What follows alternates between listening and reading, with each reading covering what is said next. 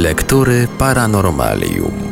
Dziś w naszych lekturach zajrzymy do jednej z najważniejszych polskich publikacji o tematyce ufologicznej. Będzie to pierwszy tom książki Goście z kosmosu, nieznane obiekty latające, autorstwa Lucjana Znicza, wydanej w 1983 roku nakładem Krajowej Agencji Wydawniczej. Na antenie w odcinkach zaprezentujemy rozdział ostatni, opisujący najciekawsze obserwacje obiektów UFO na przestrzeni wieków.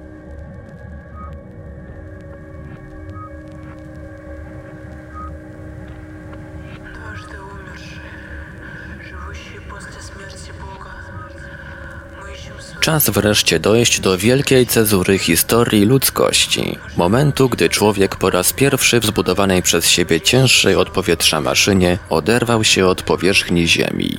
Jakież dziwne były te aeroplanie niemowlęta, z trudem raczkujące w nowym dla człowieka żywiole. Oto 9 października 1890 roku na przestrzeni kilkudziesięciu metrów przeleciał nad ziemią samolot EOL zbudowany przez francuskiego samouka Adera. EOL miał dwa składane skrzydła podobne do skrzydeł nietoperza, silnik parowy i śmigło z liści bananowców.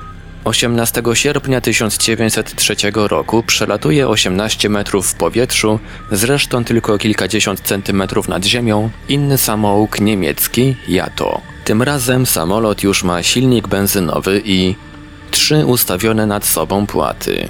17 grudnia tegoż roku odbywają swe pierwsze loty konstruktorzy amerykańscy, bracia Wright. Samolot ich, przypominający szkielet znanego z okresu ostatniej wojny radzieckiego kukuruźnika, leciał w dodatku tyłem.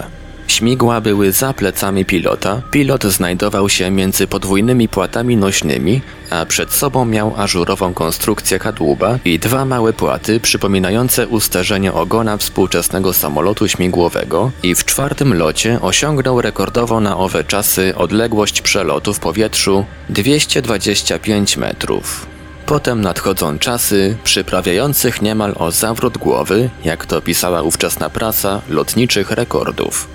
Od Dumont, który w 1906 roku osiągnął po raz pierwszy prędkość lotu 41,29 km na godzinę, do Prévost, którego samolot w roku 1913 pokonał w ciągu godziny już 203 km 850 metrów. Od Wrighta, który w 1908 roku wzniósł się na wysokość 110 metrów, do Leganiu, którego samolot w roku 1913 osiągnął pułap 6120 metrów. I wreszcie od tegoż Wrighta, który w 1908 roku przeleciał 124,7 km, do Seguin, który w 1913 roku pokonał 1024 km i 200 metrów. 13 lat zaledwie.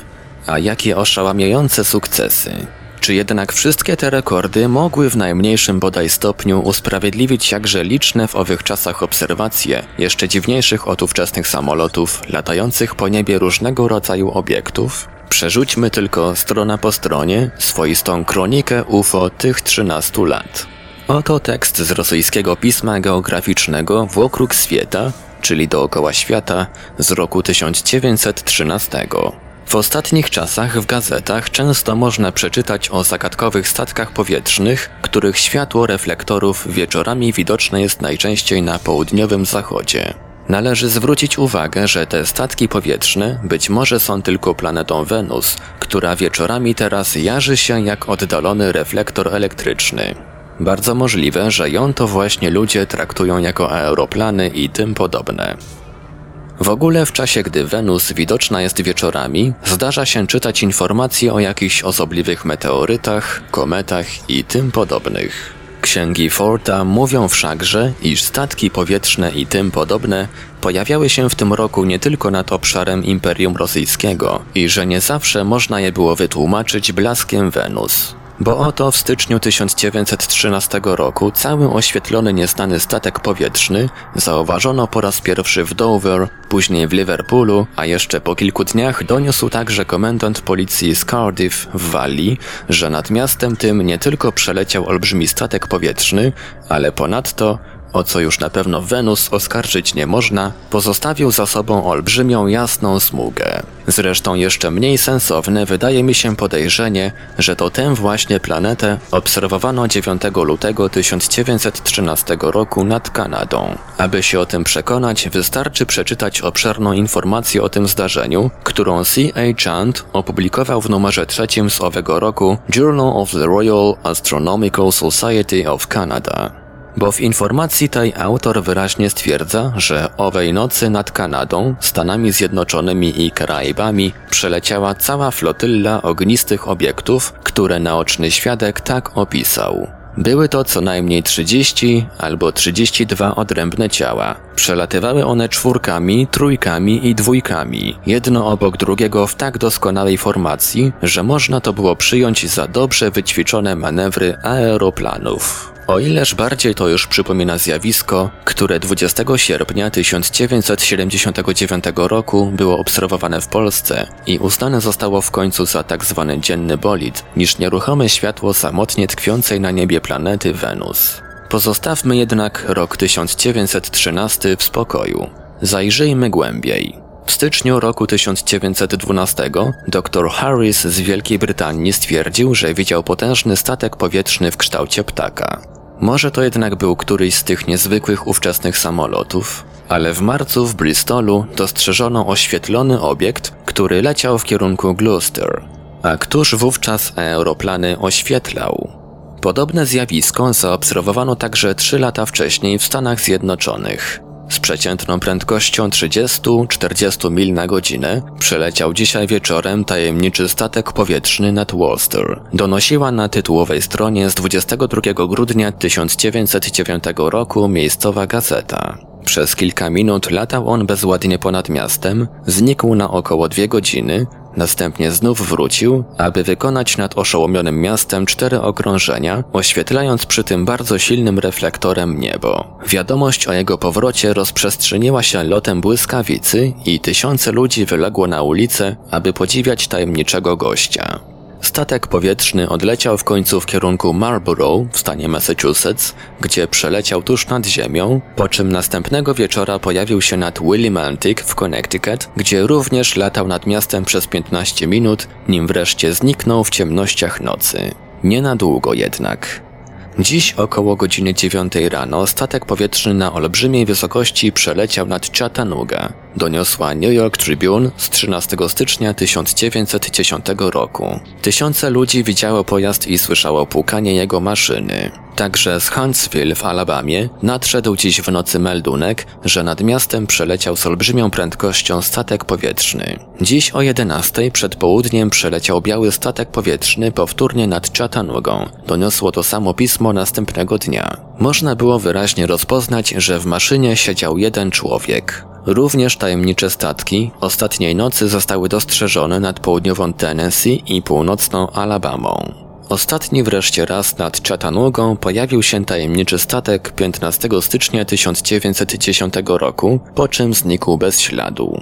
Ale tylko w Stanach Zjednoczonych bo równolegle niemal ze zjawiskami amerykańskimi, w marcu 1909 roku policja z Peterborough w Wielkiej Brytanii doniosła o ukazaniu się nad miastem oświetlonych i hałasujących obiektów. W maju zaś jeden z takich obiektów spotkany został nawet na ziemi. Doniósł o tym niejaki Lisbridge z Cardiff w Walii, który natknął się nań w odludnej górzystej okolicy. Był to wielki pojazd w kształcie cylindra, przed nim zaś stało dwóch dziwacznie wyglądających ludzi i rozmawiało ze sobą w nieznanym języku. Obaj piloci, dostrzegłszy Lisbridge'a, błyskawicznie wskoczyli do cylindra i pozbawiony skrzydeł pojazd bezgłośnie uniósł się i odleciał. Przeprowadzone później szczegółowe śledztwo ujawniło tylko wgniecioną w tym miejscu trawę.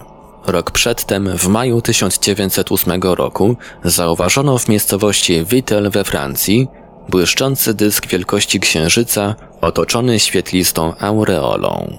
Jeśli cofniemy się jeszcze o jeden rok, to w lipcu 1907 roku natkniemy się na informację z Burlington w stanie Vermont w USA, że nad miastem tym przez pewien czas unosiła się olbrzymia ciemna torpeda. Wyrzucała ona z siebie strumienie ognia. Najpierw tkwiła nieruchomo w powietrzu nad dachami miejscowego koledżu, a następnie rozjaśniła się i poczęła się oddalać. W tym momencie liczni świadkowie dostrzegli ponadto, że z torpedy wyleciał mały świecący obiekt i błyskawicznie znikł.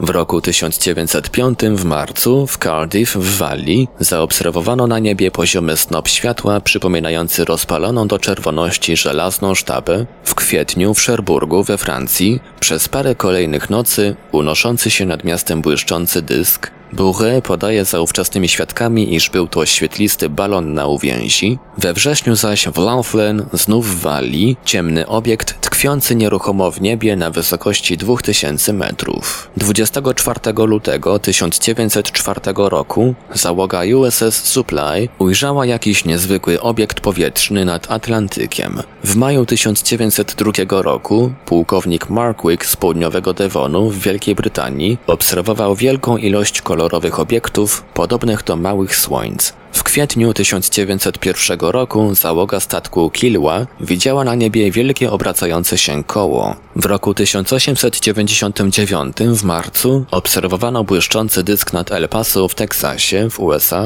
a w październiku w Luzarches we Francji. Wreszcie w roku 1898 nad wiedeńskim praterem nie tylko przeleciała jakaś ognista kula, ale w dodatku spadła z niej na prater jakaś żywiczna substancja. Czy cokolwiek z tych dziwnych zjawisk niebieskich w najmniejszym bodaj stopniu koreluje z narodzinami i raczkowaniem samolotów?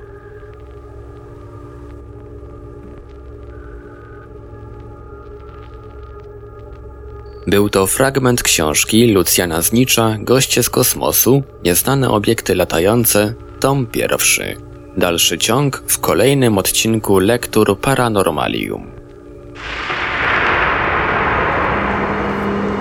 Lektury Paranormalium